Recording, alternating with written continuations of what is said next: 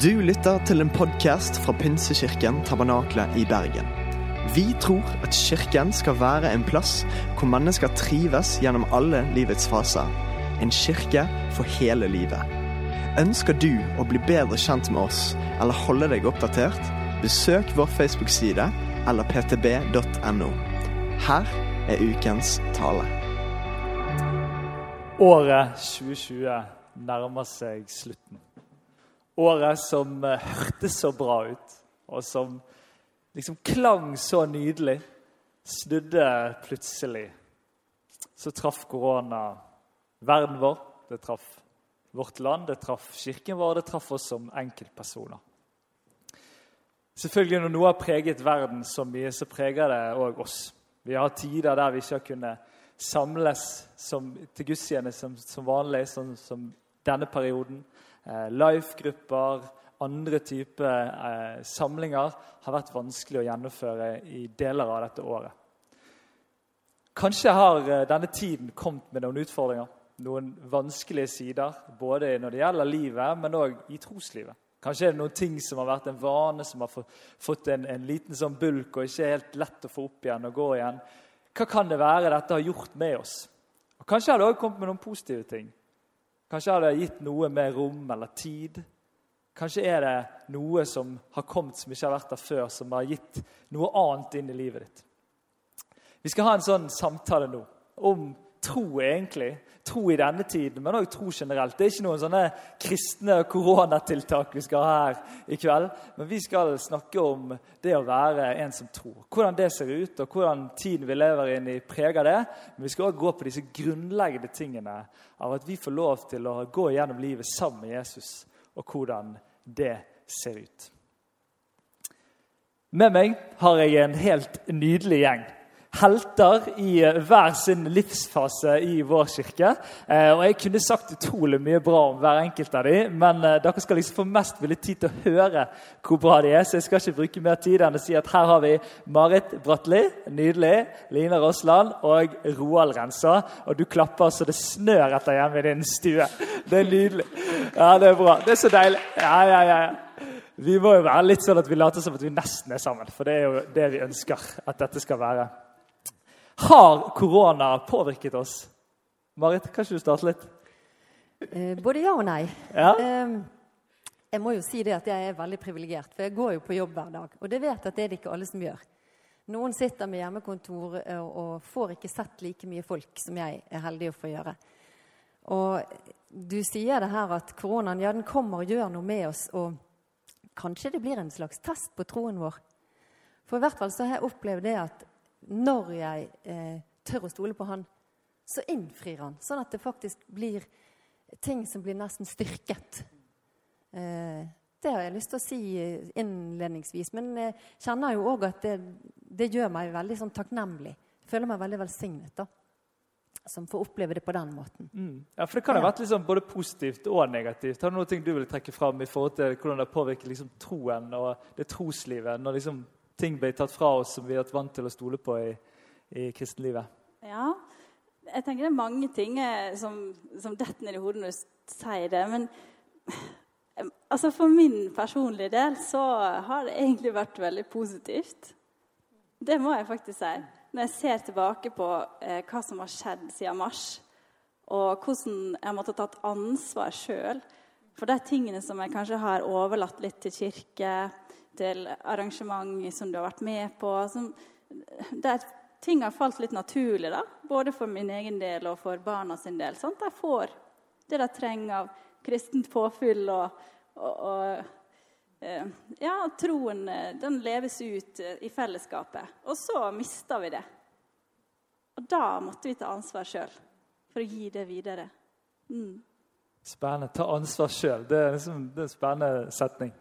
Roald, du er jo mer kjent som litt mer realistisk. Kanskje du kan ta oss litt inn i den negative siden ja, av, uh, av denne epidemien? Altså, Utgangsspørsmålet var har korona påvirket oss. Nei.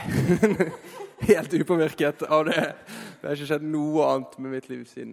Nei, um, nei jeg skal nok være dette panelets uh, alibi for at uh, at det har påvirket i negativ grad også.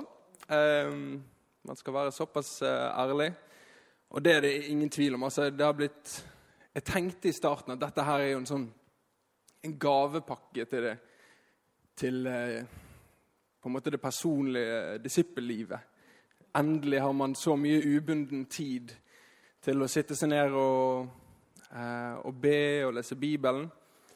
Men så går ukene, og så merker jeg hvor stor kraft det er i fellesskapet. Um, jeg merker hvor stort det er det jeg har tatt for gitt tidligere. Um, og alle sånne bitte små uh, ting som, som gjør meg til meg. Uh, og det skjer i fellesskapet av at folk forventer at jeg kommer til å være sånn eller sånn. Um, og plutselig forsvinner alle de forventningene. Jeg møter ikke de, og jeg står bare til ansvar for meg sjøl. Og eh, det er ingen som ansvarliggjør meg på samme måte. Og jeg tror det er på en måte noen I noen grad så er det ansvarliggjøring som er, er muntlig. At noen sier sånn Hva er det du feiler deg, Roald? Du må, du må eh, holde det gående. Um, men så tror jeg det fins mye god ansvarliggjøring bare av å være i et fellesskap. Um, fordi at alle de menneskene jeg kjenner som jeg møter, de forventer at jeg kommer til å være på en eller annen måte uh, når jeg møter dem. Og det gjenspeiler også de gode vanene jeg har bygget opp gjennom tiden før korona. Men det har jeg ikke så mye av nå. det er spennende. Og har dere liksom nå, disse periodene nå når man ikke har fått lov til å liksom møtes som vanlig, har dere gjort noen sånne jeg, egne tiltak eller erfaringer som på en måte for å i hermetegn erstatte det at man ikke kan være sammen? Har dere gjort noen egne ting i hjemmet? eller sånne ting? Kan dere dele noe av, av det? Kanskje vi kan begynne med deg, Lina? Ja, altså jeg begynte jo koronatiden med å reise til Syden. For da hadde vi, jeg fått det i julegave da, av mannen min alene med, med, mitt barn. da. Permisjonstur med ei venninne. Så vi begynte korona den 11. reiste vi. Så vi satt da i Spania den 12. og var litt redd for om vi kom oss hjem igjen, rett og slett. Og jeg kjente på en sånn frykt som jeg ikke har kjent på før, i forhold til at eh, ting er usikkert. Altså, Vi så på Atlantic Crossing. Jeg vet ikke om dere har sett på det. Men eh, i hvert fall denne, eh, at tilstanden plutselig blir endra. Det er noe som i hele samfunnet det er, noe som, det er noe som påvirker alle. Og hele verden. Altså, det var en veldig rar følelse å sitte så langt vekke og, og, og kjente bare nå trenger jeg Gud. Så det, det ble en veldig sånn pangstart for meg i forhold til å, å søke Gud i forhold til korona. Og denne uroen som, som, kom, som bare fylte opp alle tankene. da. Jeg klarte jo ikke å nyte at det var sol og at det var 25 grader og vi kunne gå på stranda. Liksom. Det var litt sånn Ja, men kommer vi oss hjem? liksom? Og så tenkte jeg ok, men nå er vi her faktisk. Gud, du ser denne situasjonen. Hva, hva kan jeg gjøre? Og da kjente jeg bare at Gud kalte meg til å ta en, en dag i faste. Og det hadde jeg aldri gjort før. sånn At jeg hadde liksom fasa en hel dag. Så det var veldig rart, tenkte jeg. Men, men, OK, kanskje dette er tiden for det, da. Så da starta korona for min del med at okay, nå, nå faster jeg og, og, ber og søker deg, Gud, for jeg har ingen andre plasser jeg kan få hjelp nå. Og, og det ble veldig sterkt. Så det ble en sånn start på, på noe nytt. For min del, i hvert fall. Det er veldig spennende med oss eh, trygge Norge, sant? som aldri har kanskje kjent på en sånn type usikkerhet. Som gjør at vi kanskje møter tingene med en større både liksom, lengsel etter at Gud må gi noe eller svare på noe eller si noe inn i situasjonen. Det tenker jeg er, er, noe av det, selv om det er mange negative ting som fører med seg det, som kan hjelpe oss til å forstå litt mer av realiteten av det å være en kristen, det er jo det bildet vi egentlig vil leve etter. sant? Mens det vanlige Velferds-Norge skjuler på en måte litt av behovene nesten noen ganger. Hva, har det vært noen sånne tiltak? Har du gjort noen konkrete ting annerledes fordi at du ikke kunne gå til gudstjeneste? Hva gjør du søndag formiddag nå, eh, Marit, når ikke du kan gå til tabernaklet? Jeg går på fjellet. Ja, går på fjellet. Men det er litt gudstjeneste for meg, det òg, da. Det gjør det faktisk. Men eh, eh, det er klart det at eh, det har jeg savnet veldig. Eh, for å være helt ærlig, kanskje ikke de første søndagene. For da var det jo fint vær. Altså, da var det veldig deilig å kunne gå på fjellet søndag formiddagen og, ja, og ikke vente til etter. Men eh, det tok ikke så veldig mange ukene før det plutselig ikke var så deilig likevel. For det var, det var, noe som ikke var der, som ikke ble fylt og møtt. Eh, og det, det var vidunderlig. Jeg tror det var Sandra som var første gangen eh, i vår.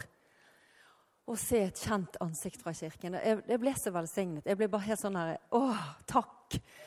Og, og, det tror jeg har vært veldig viktig at Kirken har gjort. Og vi eh, hadde nå i hvert fall en uten sånn frilufts-life-gruppe. Eh, og så har vi hatt et par stream, hva heter det, live ja, nettmøter med life-gruppen.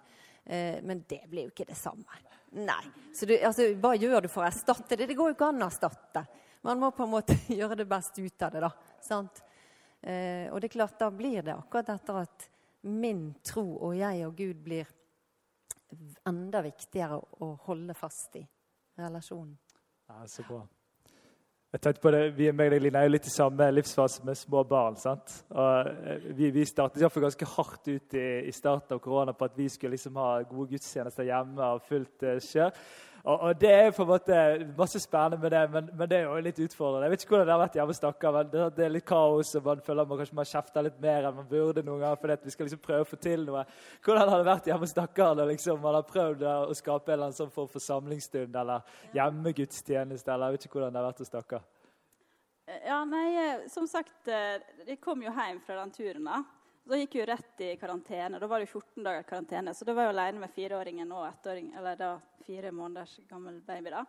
Eh, og tenkte sånn Hva skal jeg bruke den tida på? eh, ja, I barnehagen så har jeg i hvert fall en fast plan. Så jeg, det må vi begynne med. Vi må lage en fast plan. Og da hadde vi samlingsstund klokka ni hver dag. og det ble liksom en vane, da. Eh, så da hadde vi lovsang. Vi sprang rundt i stua, eh, eh, sang barnesanger med bevegelser og, og hadde andakter. Og det ble egentlig min form for stillestund i den perioden òg, fordi at det var så travelt. Så det ble, min, det ble min tid med Gud sammen med Eivind. Og det var herlig. Og så begynte jo livet litt igjen sant? når karantenen var over. og ja, Mannen min er jo i jobb som vanlig. og livet begynte, Hverdagen begynte egentlig igjen på en litt rar måte. Litt mindre fellesskap. Men vi prøvde å ha de samlingsstundene, i hvert fall på søndagen. da. Så det, det, har egentlig vært en sånn fin ting for vår familie at vi har prøvd å få til. faktisk. Men eh, litt ja. sånn, eh, ikke alltid sånn Det er litt motstand, skal jeg innrømme. ja, det, og det har vi, det vi kjent mye på. da, Og, og, og guttene òg liksom eh, det er ikke det samme. Vi syns det er veldig enkelt for oss å dra dem med til barnekirken. og Da er de liksom veldig positive. Men når vi prøver på de hjemmegreiene, da er det litt mer, eh, litt mer motstand og litt mer eh, kjefting enn det burde være. kanskje akkurat det. I denne tiden så har jo folk fått litt mer tid. Og, og Roald, du sier noe om at den tiden vi fikk, den, den måtte, klarte vi kanskje ikke å forvalte så godt, alle sammen. Jeg kjenner meg egentlig ganske godt igjen igjen uh, på noen områder.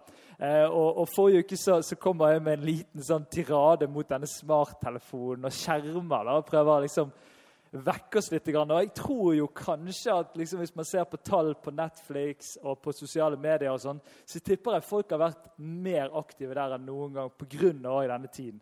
Og kanskje spesielt nå når liksom høstmørket kom, og disse tingene her, og, og man plutselig begynner å leve litt mer i de tingene.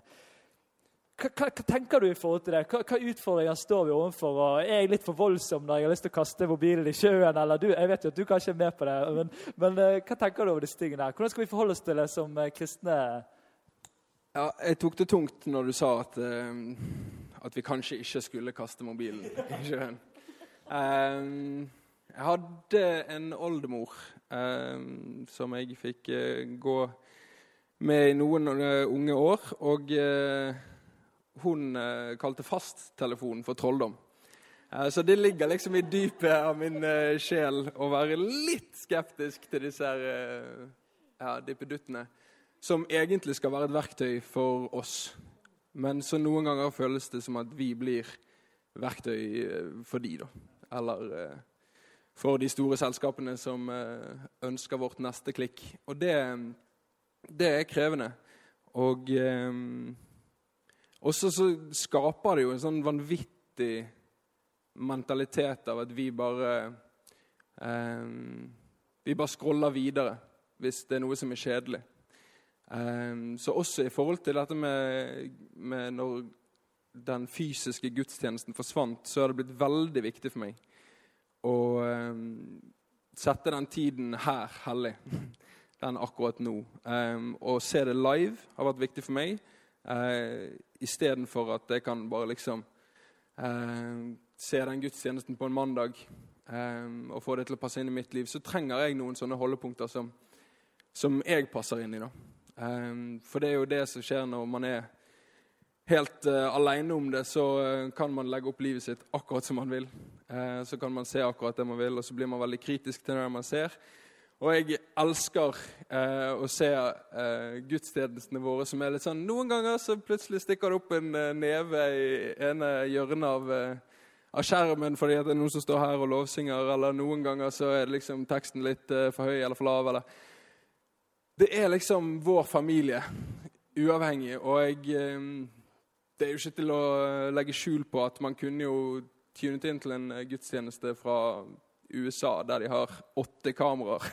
um, men dette her er familie, og uh, jeg trenger å holde det hellig uh, likevel. Det kjenner jeg uh, veldig sterkt på. da. Og ikke la alt være opp til hva jeg selv har lyst til å scrolle til. Ja. ja, la oss slå et slag for det vakre i det uperfekte. Det må jeg si, for det er der Gud kan virkelig bli stor. Og min generasjon vi har jo ikke liksom vokst opp med så masse skjermer som dere. Det var jo forferdelig hvis vi ringte før klokken fem fra festtelefonen. Det er jeg vokst opp med. så dette er greiene. Jeg husker da jeg fikk mobiltelefon på 90-tallet. Nå har jeg en mobiltelefon resten av livet. Det, den har jeg ikke lenger. Men det var sånn jeg tenkte. For det var det var, ja, før klokken fem om ettermiddagen. Hva betyr det? Jeg skjønner ikke hva det betyr. Nei, Det betyr at da var det mye dyrere å ringe før klokken fem. Ja. Så, altså, jeg, Dette er liksom dinosaurtiden. sant? Så, så, for meg jeg henger litt etter jeg, med det med skjermer.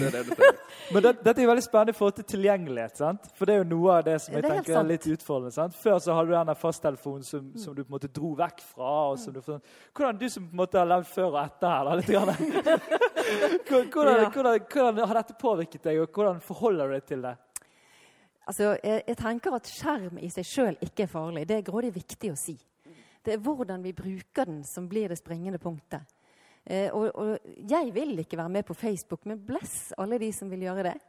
Jeg har så lyst til å bruke tiden på noe annet. Jeg, jeg vet faktisk òg at jeg går glipp av noe. Men så tror jeg samtidig at det blir spart for noe. Og så må hver enkelt finne punktet sjøl.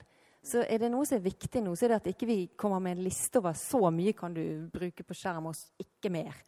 Men, men, jeg vil slå et slag for hvordan vi bruker skjermtiden vår. Er jeg kritisk? Er jeg selektiv? Eh, for det kan være grådig mye bra. Du kan bli velsignet av mye. Jeg elsker å se på en serie og en film. Jeg syns det er kjempekjekt. Men jeg vil ikke se helt på hva som helst. Og ikke bare la det styre meg, da. Ja.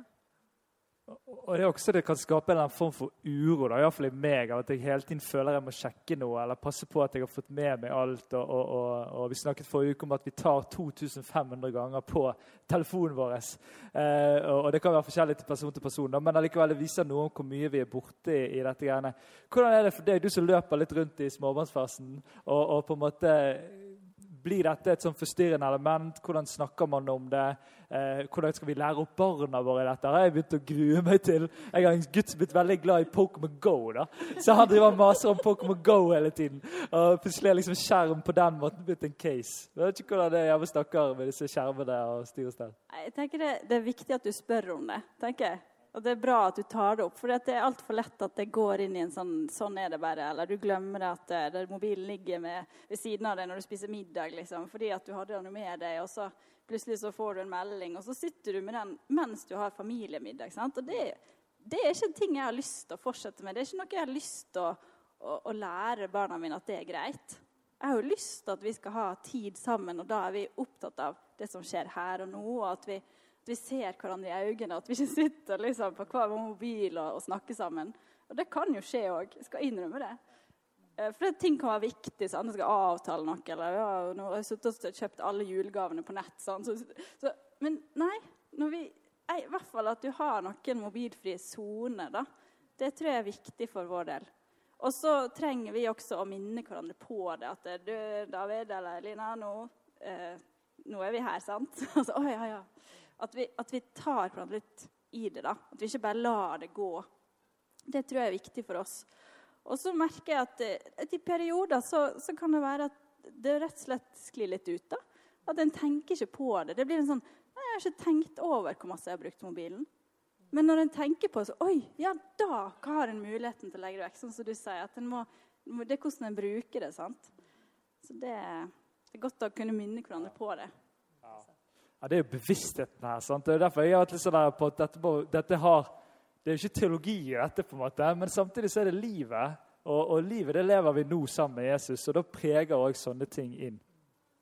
Hvordan har det for deg Roald, vært å liksom finne rom til stillhet? Jeg vet at Du har et litt bevisst forhold til liksom hvor mye lyd på ørene og ikke og sånne ting. i forhold til at Vi, vi har jo mange muligheter til å egentlig ha støy inn på ørene våre fra vi står opp til vi går og legger oss. Hvordan forholder du deg til det? Eh, ja. Jeg hadde Det slo meg plutselig en gang i høst at eh, det var eh, for mye. Og eh, noen ganger så legger man seg om kvelden og så føler man at man ikke har eh, eh, har tid til å tenke egne tanker.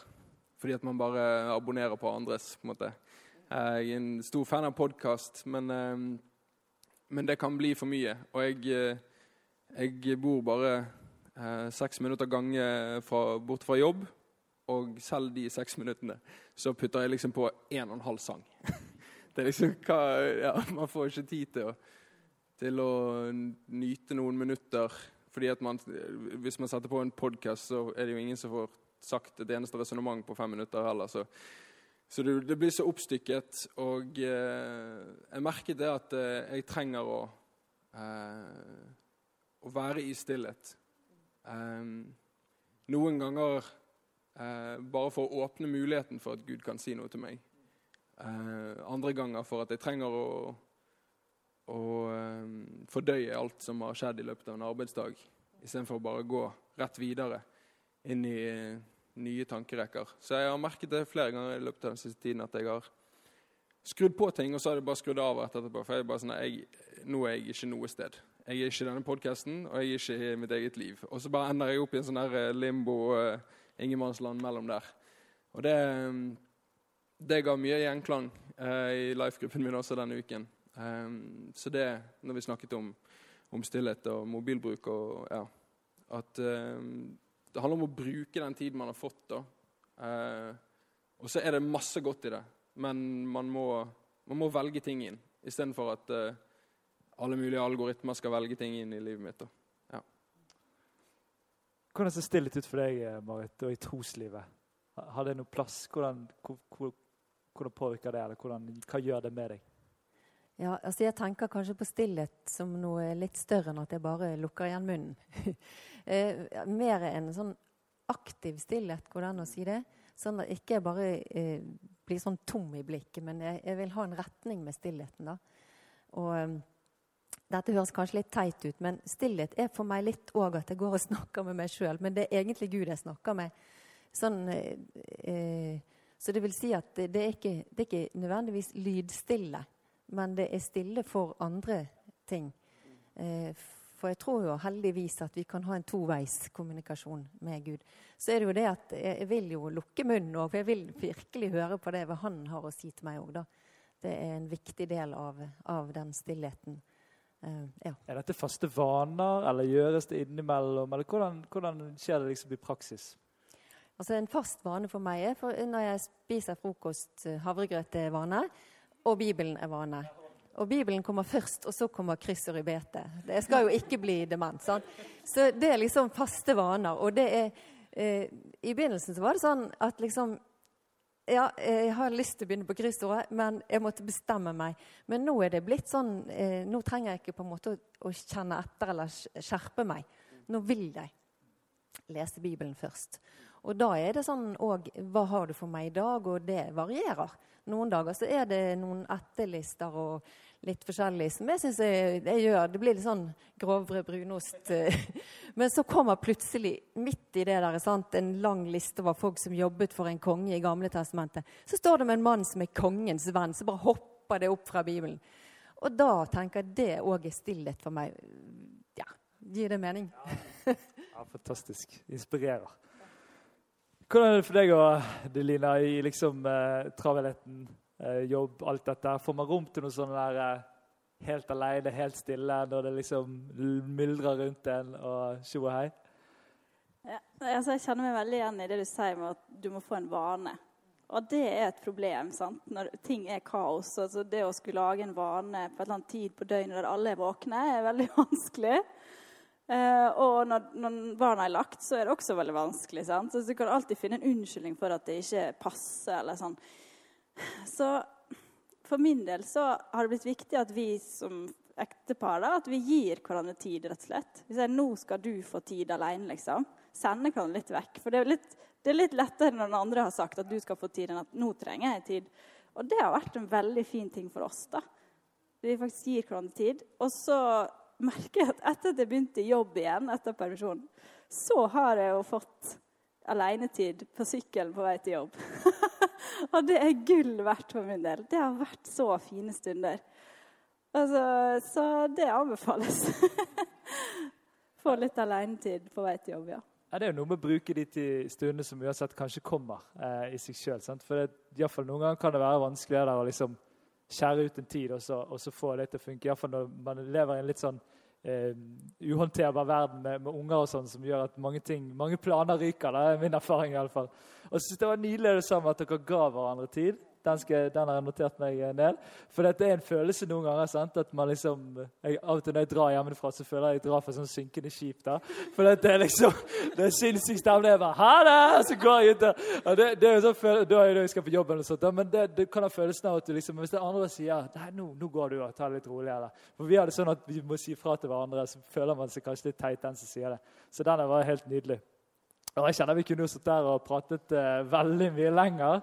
Eh, men jeg håper dette kan være et inspirasjon for de pratene man har mulighet til. Kanskje er det i det, det bofellesskapet man bor med andre, eller i familien sin. Eller hvis man har disse eh, samlingene med Life eh, på nettet, eller har mulighet til å gå tur sammen. Kanskje dette kan være litt inspirasjon for at de pratene blir litt dypere. At man tør å snakke litt dypere om tingene. For, det, ja, for meg ga det veldig mye å høre litt innblikk i deres liv. Og jeg tror det er liksom noe av gullet med det å gå sammen gjennom livet når vi følger etter Jesus. Så tusen takk skal eh, dere ha. Jeg har lyst til å be for deg.